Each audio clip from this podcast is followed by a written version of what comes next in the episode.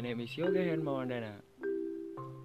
Mm, today I want to tell you about my childhood memories. I didn't re- realize that I have amazing childhood memories. I think my childhood memories are just. Unless, do you guys want to hear about my story?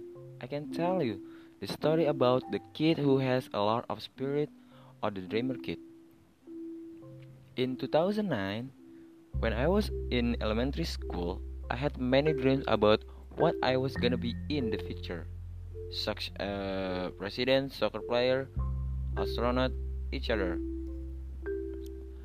I had friends who were very energetic like me. We did anything, unify the fluency. Of course, for example, we were climbing a stranger tree and got many fruits. We also liked to throw with paper at stranger window.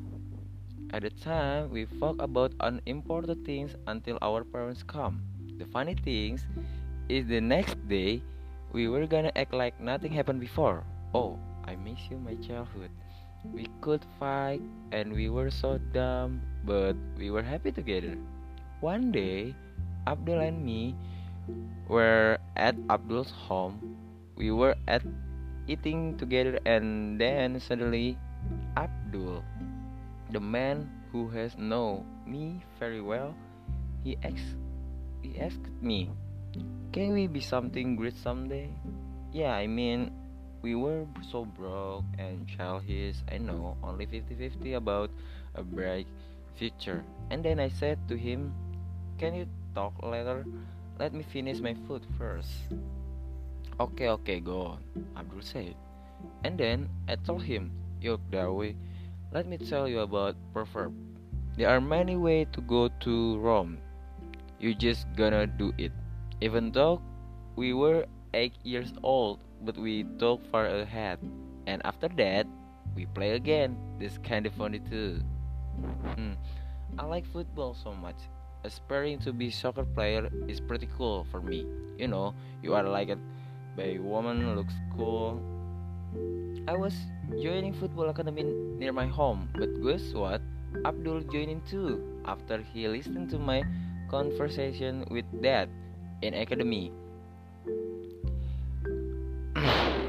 Sorry, I mean in academy I was playing as a middle attacker. I was very good.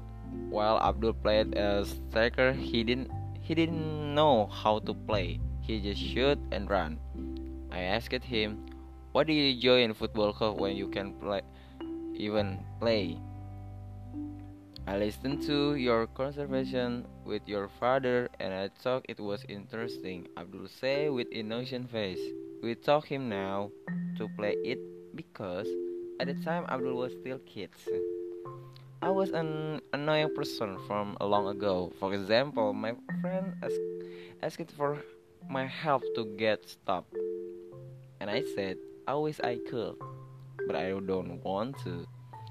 Then he threw at a, a water bottle at me. So that was my story about my ch- childhood memories. Hope you guys like it and thank you for listening. Bye bye.